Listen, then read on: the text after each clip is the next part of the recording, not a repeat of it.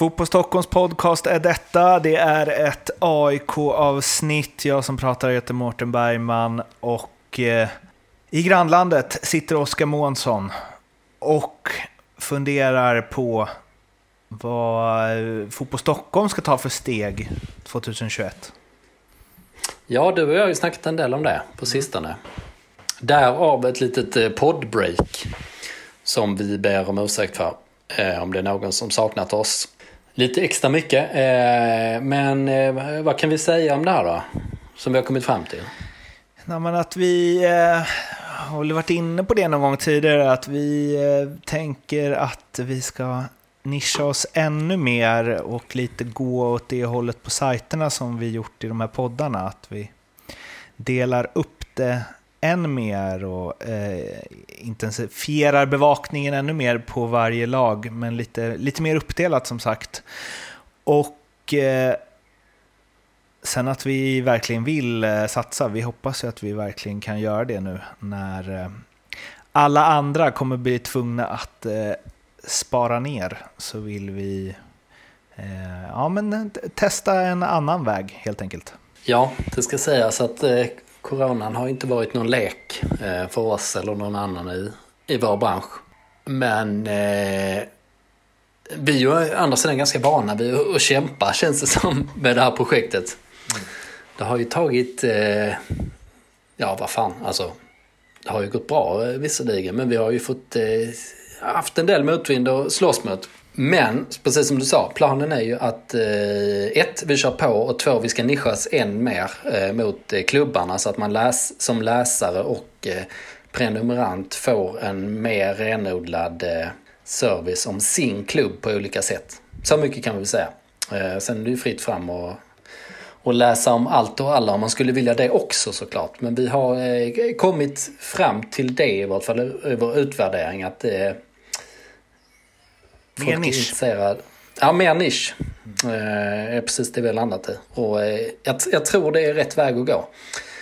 Um, och ja, vi får väl åt, anledning att återkomma i ärendet. Men vi kan väl säga så mycket som att vi behöver ju draghjälp också eh, om det ska gå. Vi behöver ju att folk engagerar sig på olika sätt. Men eh, det tar vi väl eh, lite senare när vi blir mer konkreta. Det gör vi. Någon som har nischat in sig på att göra en eh, kanonsäsong, eller kanonhalvsäsong i alla fall, det är ju Micke Lustig. Som sedan han kom tillbaka till AIK inte varit med om att släppa in ett enda mål. Eller tillbaks Nej. till AIK, tillbaks till allsvenskan och till AIK. Ja, och fan spelar han ens i allsvenskan? Hade han en säsong i Sundsvall hade han kanske... Han gjorde nog, jo, men han gjorde någon match, några matcher där. Det var ju med i något quiz där på Dplay med Seb och Lustig. Att de skulle gissa hur mycket han hade spelat i Allsvenskan. Borde ju du och jag veta i och för sig eftersom vi var uppe i Sundsvall eh, Just det. 2008 när Sundsvall precis hade gått upp Just i ett kval där Mikael Lustig blev utvisad. En helt eh, eh, galen match där. Men Vad hette han sig. Santala? Ja, det var det nog på den tiden. För då, de ja, hade ju också... Det var, eh, fan det, det, det är en svunnen tids tränartyp det alltså. Om folk, eh, om folk vill veta vem det är så räcker det att bildgoogla eh, Mika Sankala heter han va? Så ser alltså han, man kan lista ut allt. Man kan lista ut taktiken. Fotbollsfilosofin, ja, man behöver inte, allt. Man behöver inte läsa någonting, det räcker Nej. att bildgoogla. Eh, Mika Sankala. Han är ju eh, ans eh, ansvarig för någon skolfotboll nu för tiden. Ansvarig skolfotboll. Aha. Manager football in schools på svenskfotboll.se. Det är grejer det. Då har vi ju fel kanske då. Då kanske ändå han är... Och är han ja. kanske nytänkaren också. Ja. Det är kanske bara fördomar som spann loss bara. Det kanske, han kanske har blivit eh, nytänkande, om inte annat. Eh, Finlands damlandslag i fotboll också. Ja. Sådär. Eh, nu eh, vill jag också ta upp att jag intervjuade Linus Hallenius då.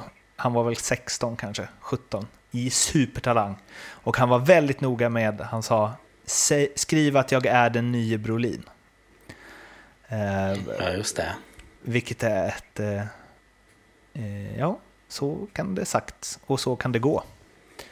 Det gillar man när de är så här, men fan skriv det, snälla skriv. Och sen så i efterhand tror jag att han har eh, tagit upp den eh, rubriken som att han inte gillar den. Alltså långt senare liksom. Mm. När han hade en annan syn på saker och ting. Men han hamnade i Norrköping han också till slut. Ja, han gjorde ju tyckte Han var, han var kanske den nya Brolin. Um, nej, det var han nog inte alls. Det, det var nog den enda likheten vi tog upp där i och för sig. Men tillbaka till eh, Micke Lustig. Eh, vi, eller du var det va, höjde väl en liten varningens finger när han skulle värvas in för att, ja men, eh, gammal och dyr, eller gammal, men i alla fall ingen man kan tjäna pengar på igen. Eh, det du inte visste då var ju att eh, Steffo Strömstedt gick in och finansierade det där. Så det kostade inte AIK något, knappt. Nej, vi pratade ju det dåliga läget när vi eh, bara hade fått uppgifter på att han skulle eh, komma till AIK. Mm. Eh, men det var vad vi visste, han hade inte presenterats och sen så kom det ju fram lite senare då att dels eh, hur kontraktet såg ut eh, och att han spelar ju för en eh, mycket beskedlig peng. I de ja, sammanhangen. Verkligen. Ja, och uh. som du sa att det var externa finansiärer. Så i avsnittet efter fick jag ju ta tillbaka allt och säga att det var givetvis en eh, mycket bra värvning som jag gjorde och då är det väl den andra analysen som vi, eh, som vi eh, ska godkänna vid det här tillfället i vart fall. Ja, och han har väl nästan varit ännu bättre än vad man skulle kunna tänka. Och ja, han och Seb har ju verkligen, det är de jävla det finns något i dem som är väldigt mycket så här vinna till varje pris, eh, alltid ge 110 och så som är liksom omöjligt, tror jag, att inte smittas av. Eh, för att de utstrålar det så himla mycket så eh, ja, men man ser det på tv liksom och då tänker jag att som lagkamrat så kan du liksom inte stå emot den Ja, som över tid blir ju det någon form av kultur man bygger om man har ett par, tre, fyra sådana spelare. Ja, det kan ju... Jag vet inte. Det är, det är sån jäkla skillnad på inställningen där, framförallt vad det gäller hemvändare. Mm. Framförallt vad det gäller hemvändare och spelare som kommer till allsvenskan för att ta fart, på karri- ta fart liksom igen i karriären och sen gå ut, ska jag väl säga. Mm. Um, men vad gäller de kategorierna ehm, så känns det som att det här personliga brinnet liksom och eh, eh, den inre drivkraften är eh, helt avgörande för om det är bra eller inte. Och det är precis som du säger att man kan ju se på dem hur mycket de vill vinna, att det är lika viktigt för dem nu att vinna. Och sen så har de då förenat det då med liksom, ja, en kunskap om hur man vinner helt enkelt. De kanske är trots allt har tappat lite egenskaper liksom sen sina liksom, fysiska glansdagar. Men att de då håller ungefär samma nivå på grund av att de blivit klokare. Att den klyschan, så som äldre spelare ofta säger, eh, faktiskt stämmer i, i deras fall. Sen så, och, eh, ja.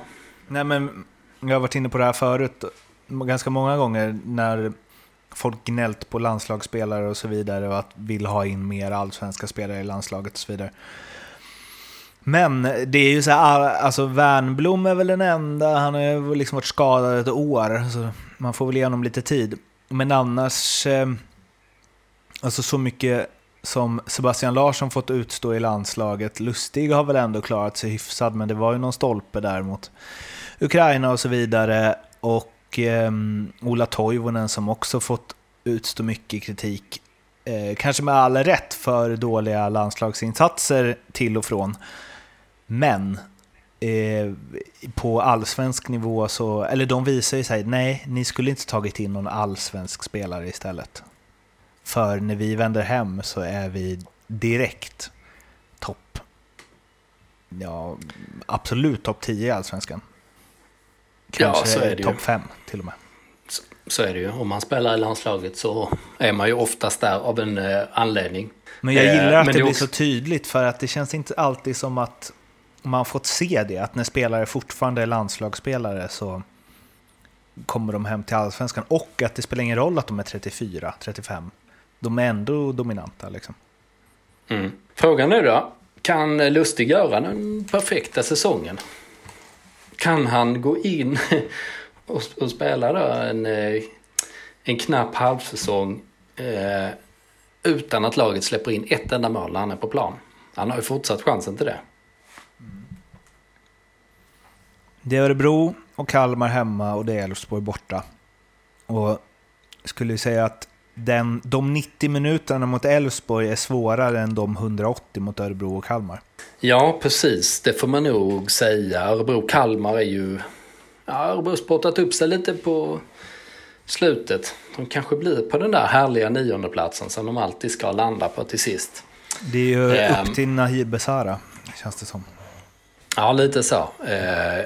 Ja, nej, men det är självklart eh, jättebra chanser att eh, hålla nollan. Sen Elfsborg borta, det är ju nästan i andra delen av skalan. För att det kommer ju vara i en match där Elfsborg eh, slåss om att bli tvåa eller trea med all sannolikhet. Det vill säga ta en eh, direktplats till eh, Europa-kval.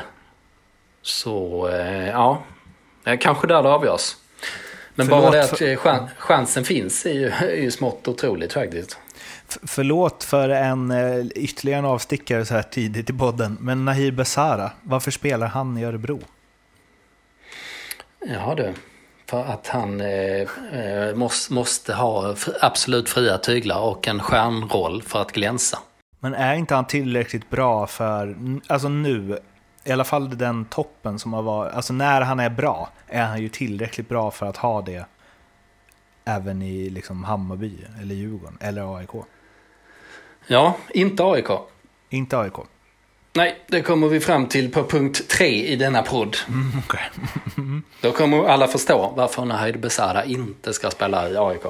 Och det har inget med hans eh, förflutna att göra så. Men annars eh, visst. Eh, det hade ju gått att liksom få in honom i något annat storlag också. Även om han är, han är jävligt svårplacerad. Om, man, om man ser till liksom hur eh, de stora fotbollstränarna går och vilken typ av spelare som passar in i de flesta system. Och så. Trots allt, trots hans uppenbara spetskvaliteter. Jag har nog eh, först i år har jag tyckt att han är så väldigt bra. Alltså att här, när han är på det humöret så är han liksom en av de bästa spelarna i Allsvenskan. Medan jag, jag tror inte jag såg honom riktigt så när, innan han lämnade för proffsäventyr. Men nu, alltså i år fattar jag inte alls varför Hammarby inte tog eh, hem honom. De hade väl chansen liksom. Ja, han hade ju en så jäkla toppade 2017 också när han var Mm. riktigt, riktigt fin. Ehm, Det var första gången han nådde, nådde de höjderna så att säga.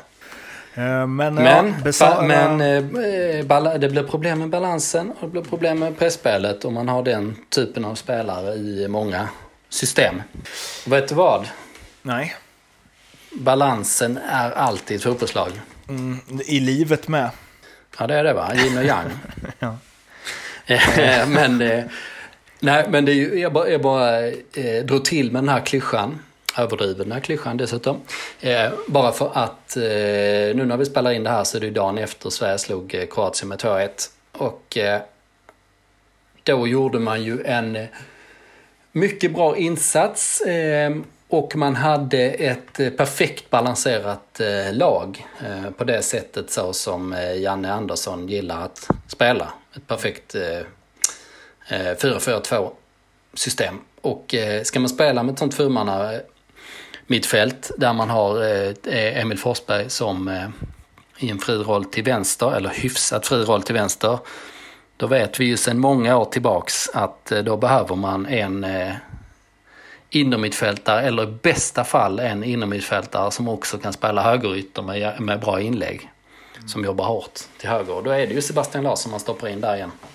Och han och Lustig hade ju, gjorde ju Eh, precis det som man eh, kunde förvänta sig av dem. Och eh, med, med dem i laget och dessutom med Kulusevski som anfallare så fick man precis den där balansen som man behövde mot Kroatien. Alltså liksom en, en defensiv stadga men det var ändå tillräckligt fritt för att det skulle liksom hända saker kring eh, till exempel Emil Forsberg och eh, Kulusevski.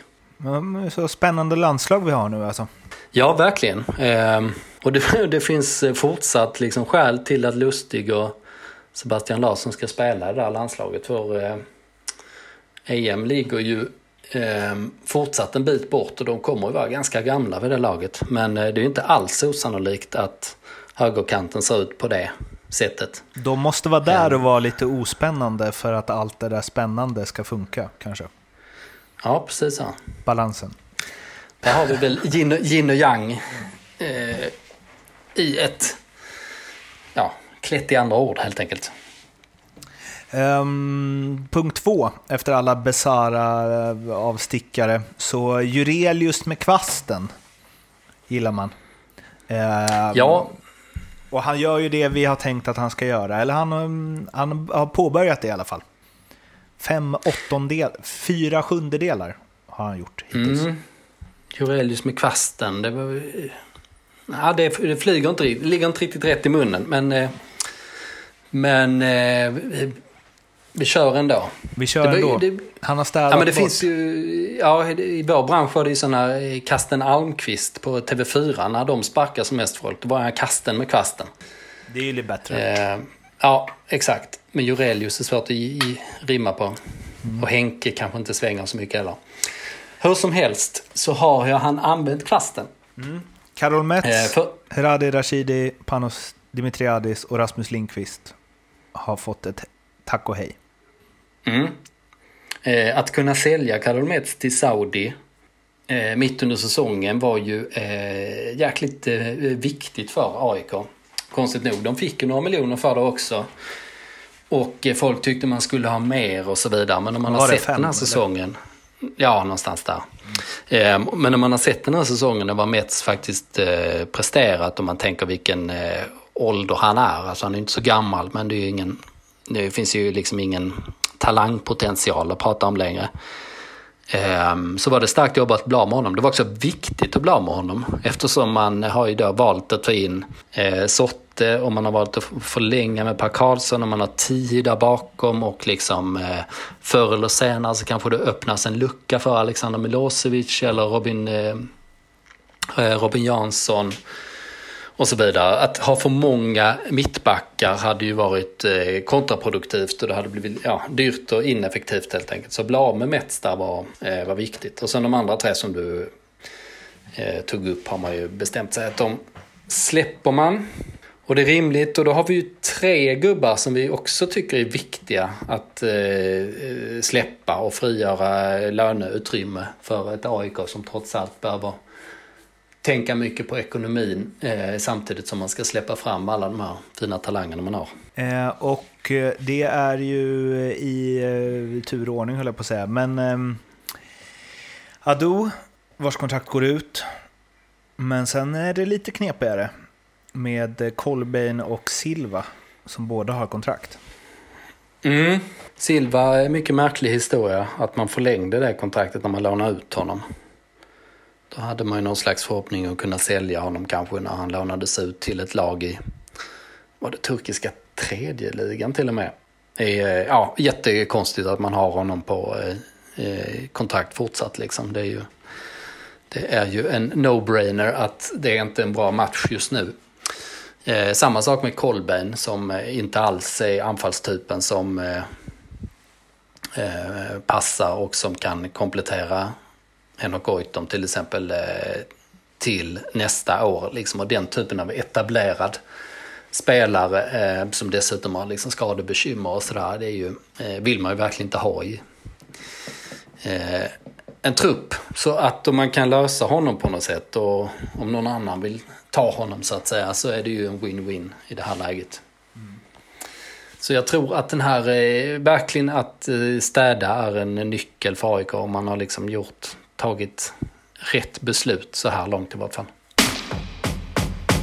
En sak som vi eh, ältat några gånger och som AIK ältade några gånger är ju det här att spela som Atalanta och innan dess skulle det spela som Torino och eh, Oskar, du har varit och nosat på det här tidigare. Du gjorde ju ett eh, stort reportage om eh, vad eh, AIK bör kopiera. Det var ju inte ingången i det reportaget, men de bör, som du uttryckte det, glimta mot Bodö. Kanske. Ja, det är exakt det de ska göra. Ja, för där finns ju Tori- ett, ett To- supersuccérad. Men du vill prata om Torino först? Ja, nej, Torino är väl svårt att döma ut i och för sig med tanke på att det är modellen vann de SM-guld med. Men det är väl eh, typiskt någonstans att stora mäktiga AIK ska hitta liksom eh, det spännande och flashiga från eh, Italien. Och att titta på ett norskt eh, bondgäng känns ju väldigt anti-AIK. Men så här, eh, det Bodø Glimt gör den här säsongen, det är det absolut sjukaste eh, som jag har sett i en, eh, vad ska vi begränsa oss till, till en, i en nordisk kontext. Och den säsongen de gör nu, alltså det, detta är en klubb, eh, ska, vi, ska vi översätta det till svenska förhållanden? Vi, vi tar så här GIF Sundsvall. Det är väl rätt eh, jämbördigt liksom i vad det gäller liksom storlek på stad. Ja, Sundsvall är för sig dubbelt så stort som Bode, men å andra sidan är Sverige dubbelt så stort som Norge också. Vi tänker oss GIF Sundsvall eh, utan några pengar utifrån, att de bara jobbar, gnetar på med sitt. Eh, och att de eh, gör en säsong där de ligger eh, eh, 18 poäng före Malmö FF och eh, 20 poäng före eh, ja, AIK kan vi säga när vi pratar den här podden. Eh, när det återstår sex omgångar, det vill säga att avståndet kommer förmodligen bli större eftersom eh, Sundsvall då har ett ganska lätt spelschema kvar. Vi tänker att GIF Sundsvall på 24 matcher har gjort 83 mål. Eh, och så sätter vi det i relation till eh, vad Hammarby gjorde i fjol när de satte det moderna så att säga målrekordet. Hammarby gjorde ju 75 när man gjorde sin fenomenala offensiva säsong. Och om eh, Sundsvall fortsätter på det här spåret så kommer de landa på 105 mål. Ehm, och eh, de har fortfarande en lönebudget som ligger på den absoluta eh, botten av serien. Trots att de har under de sista åren sålt eh, massa spelare och fått in en massa pengar samtidigt som de knappt köpt överhuvudtaget. Ehm, så där någonstans står vi. Var det, var det tydligt, tydligt förklarat? Oerhört ped pedagogiskt. Mm. Det låter ju lite konstigt. Vet, Det vet, går inte. men det jag tänker då är ju att då borde ju AIK som är en större klubb med bättre förutsättningar än Sundsvall kunna göra det här minst lika bra som Bodø Glimt ju. Ja, då borde väl AIK i så fall vinna 30 raka matcher och sen göra 125 mål eller någonting på en säsong. Mm. Hur ska Ja, de nej, men göra hur- det? ja, precis. Nej, men med tanke på att eh, Eh, ja, men om alla tävlar i samma sak och allt är gjort och sen dyker det upp någon som är så otroligt mycket bättre än alla andra plötsligt. Eh, då blir man ju nyfiken på, och, på vad de har sysslat med egentligen och det är ju det reportaget som vissa kanske har läst eh, handlar om. Och eh, det korta svaret på vad de har gjort bra är ju allt. De har liksom maxat alla parametrar och jobbat smart. Å andra sidan är det inte särskilt, det är inga konstigheter det de har gjort på något sätt. Ehm, och alla lag som har en bra ungdomsverksamhet kan göra samma sak i Sverige till exempel. Eftersom ja, förhållanden är ju samma som i Norge i stort sett. Och eftersom AIK har en alldeles eh, förträfflig ungdomsverksamhet så kan de göra bara kopiera hela konceptet. Om de nu är redo att liksom blicka mot en norsk bondklubb. Om det inte är under deras eh, eh, värdighet på något sätt. Och eh, då är det ju en sak vi ska ta upp här bara. Och satsa på unga spelare är ju en självklar del och det kan jag göra. Men det är taktiken vi ska titta på. 4-3-3. Förstås. Ja, inte konstigare än så. Eh, 4-3-3 ja. Och eh, om man ska förklara Bodø Glimts eh, taktik så är det ju egentligen att de ligger ju rätt långt fram i utvecklingen så som många av de eh, framgångsrika stora lagen spelar nu. Alltså om man, om man såg eh, Bayern München och de spelar i Champions League till exempel. Eller om man har följt Liverpool så är det i stora drag samma sak man gör. Alltså man, man bygger spelet på en extremt hög press som man eh, har, eh, man identifierar olika situationer där man kan vinna bollen i intressanta lägen och då attackerar man med absolut full kraft. du bevakar ingenting utan du springer liksom rakt in i motståndaren i stort sett. Och man har en supertight eh, eh, Eh, ja, ett, ett, ett supertajt lag helt enkelt. Så att det är liksom om man, om man hade betraktat planen uppifrån så hade det egentligen bara varit ett tjockt streck som eh, rör sig upp och ner över planen.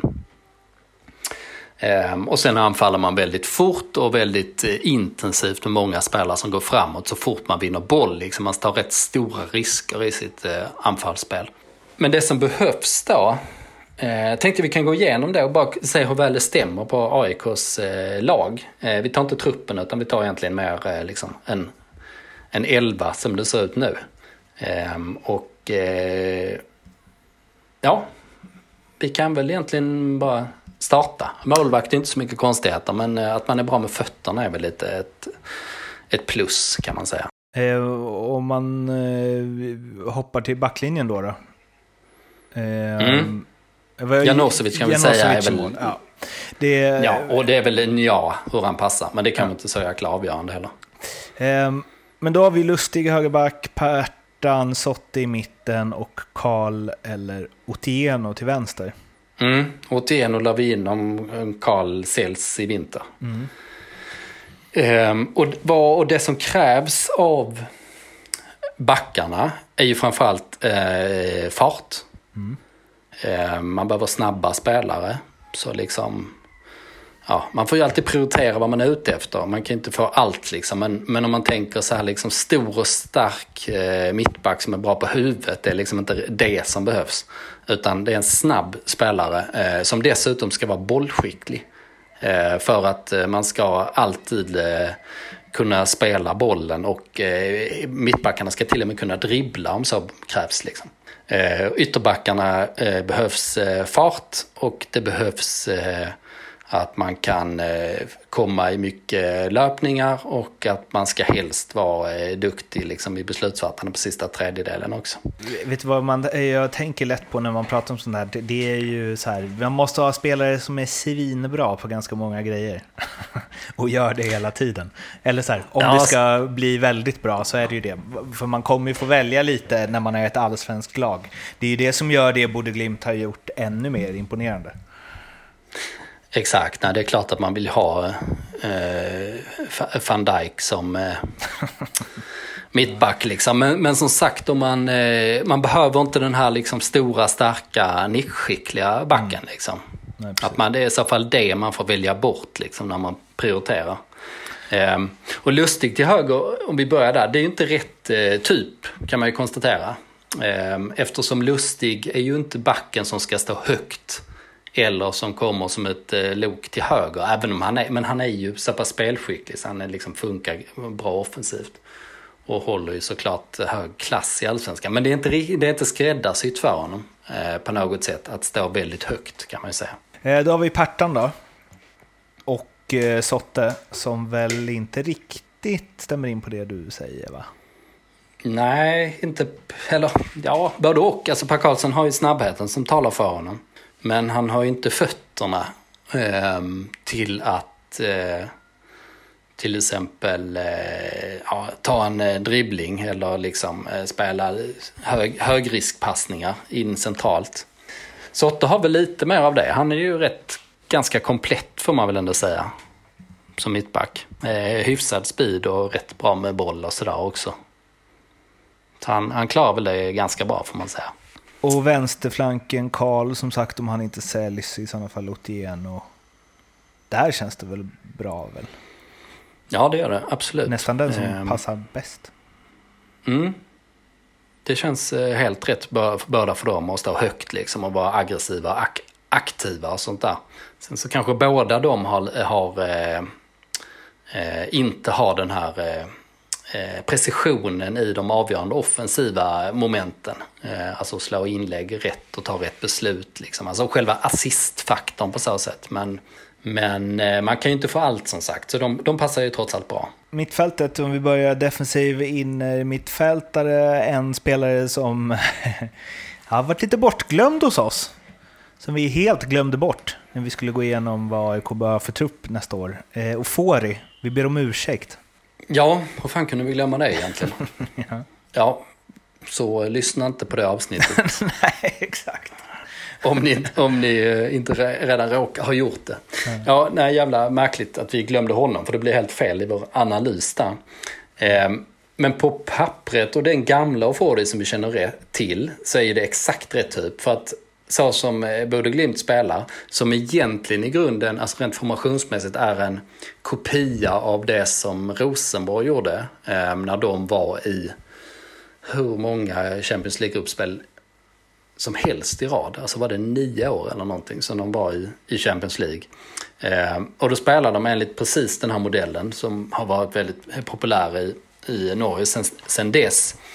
Ehm, och då spelar man med en defensiv playmaker eh, eh, som är bollvinnare också. Kanske mer bollvinnare förr i tiden, kanske mer playmaker nu för tiden. Och sen framför har man två stycken inre löper som man kallar det i, i Norge. Ehm, som är någon slags eh, dubbla nummer åtta. Alltså eh, tvåvägsspelare men som ändå går mycket framåt och som framförallt är löpare snarare än liksom eh, en Nahid Besara till exempel därför som han inte passar in i det.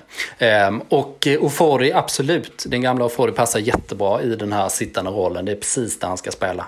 Ehm, det är bara en fråga om han hittar tillbaks tillräckligt mycket till det gamla. I så fall är det klockrent. Sen har vi det här inre löper.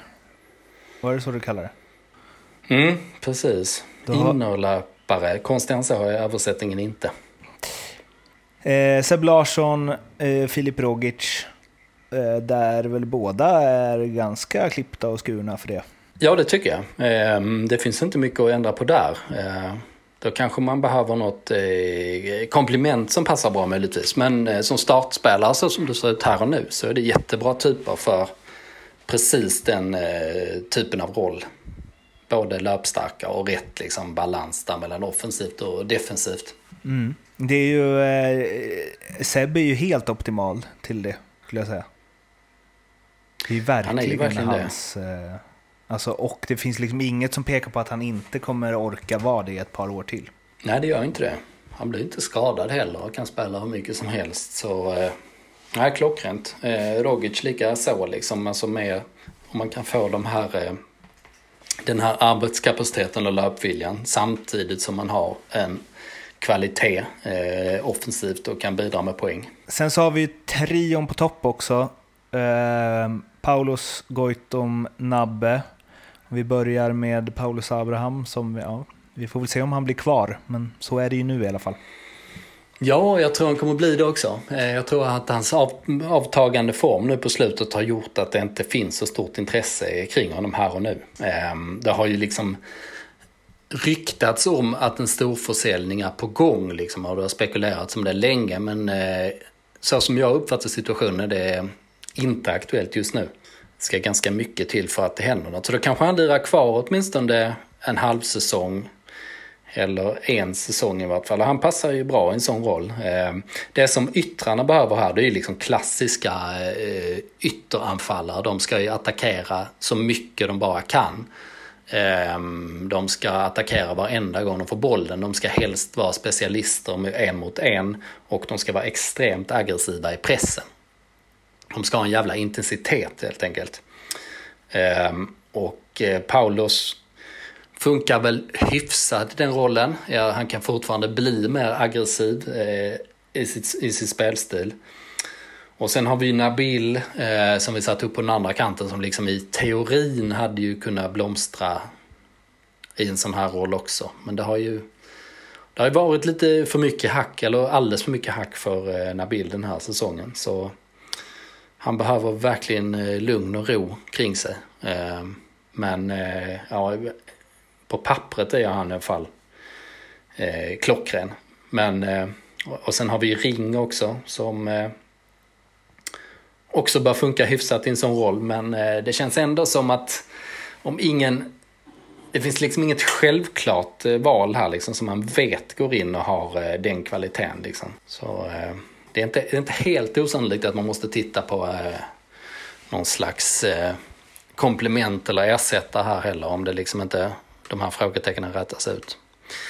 Eh, jag tänker så här, Husham Aiesh liksom som inte får spela i Göteborg, liksom, ja men där har vi en spelare som hade passat till AIK.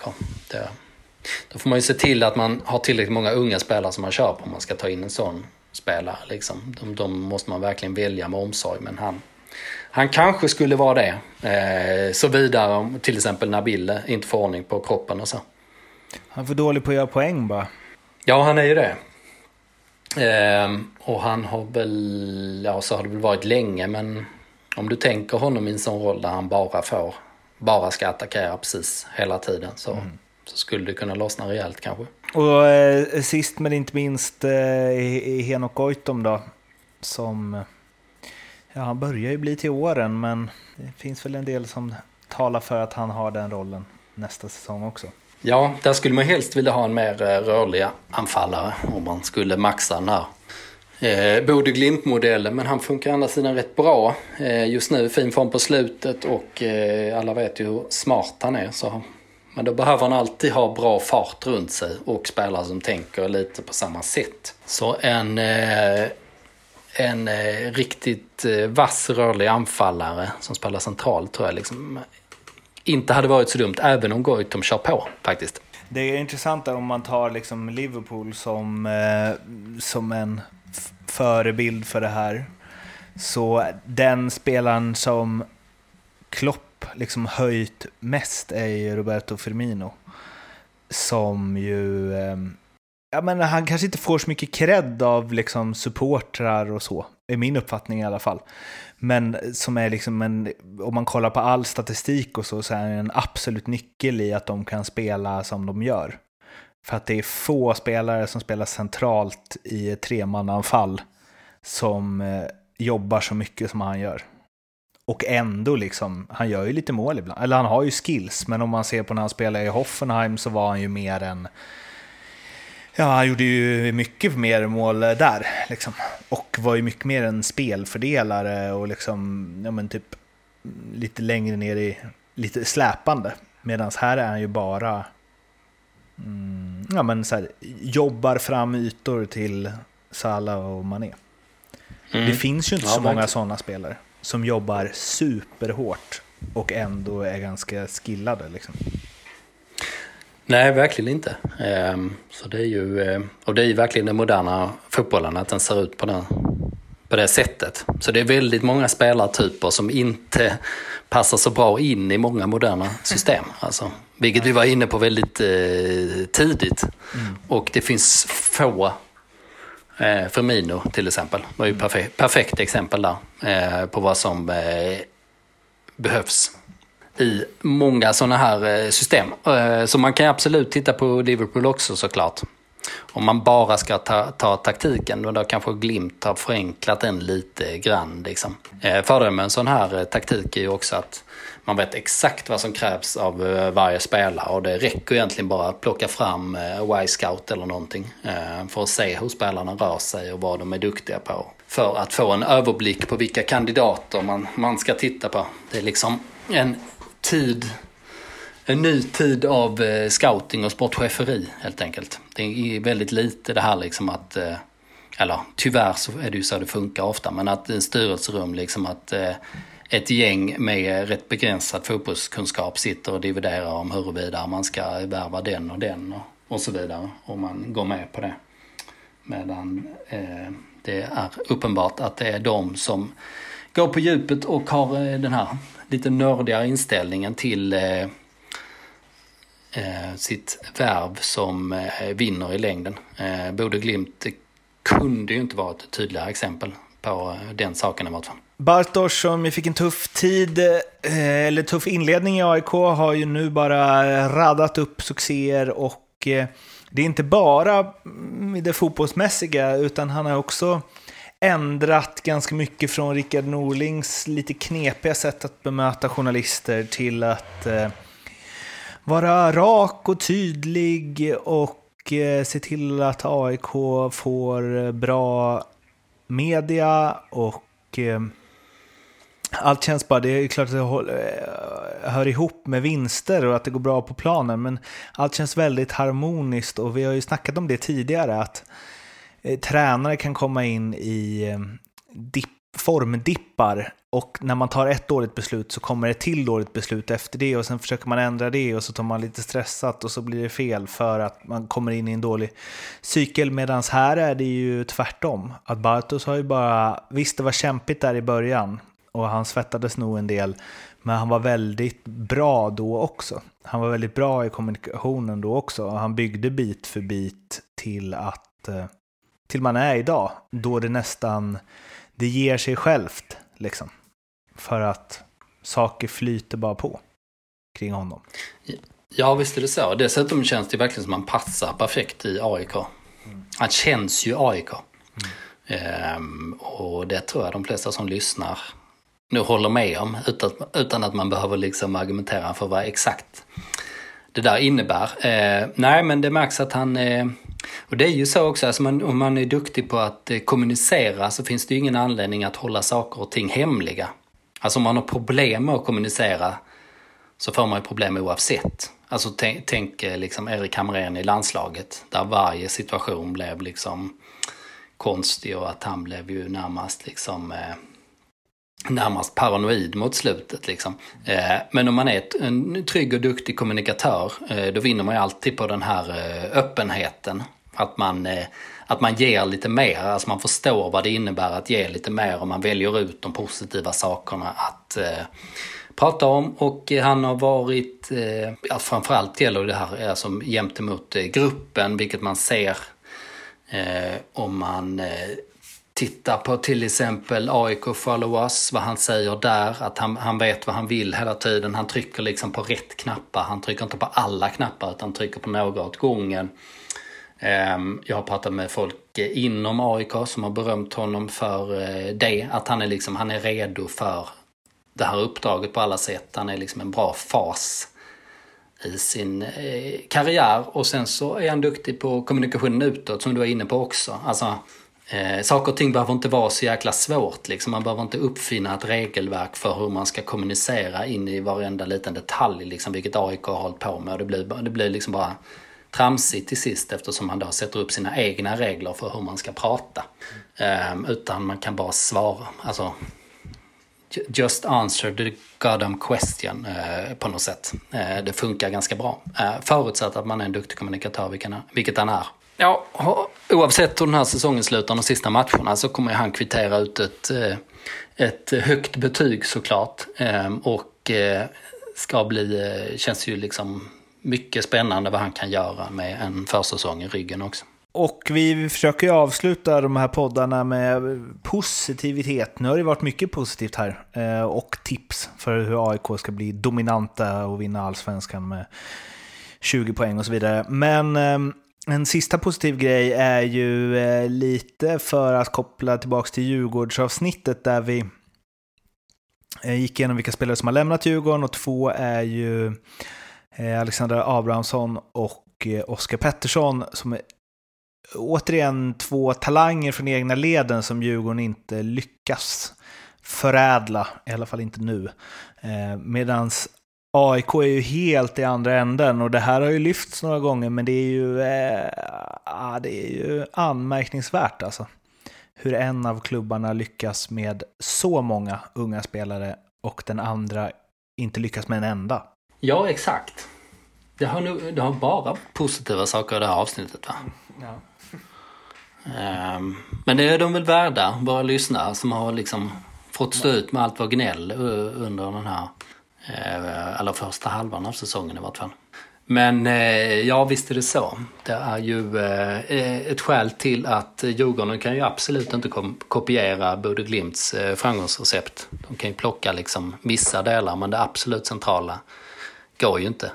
Eftersom de har ju inte fått upp, ja, har de fått upp någon talang som liksom etablerat sig i A-laget de sista tio åren? Alltså det är så man tänker på Simon Tibbling som kom från Brommapojkarna när han var 16 liksom. Om man är väldigt välvillig. Ja, det är kanske någon till, men det är liksom att jämföra det med AIK som har plockat upp, är det fyra stycken bara i år?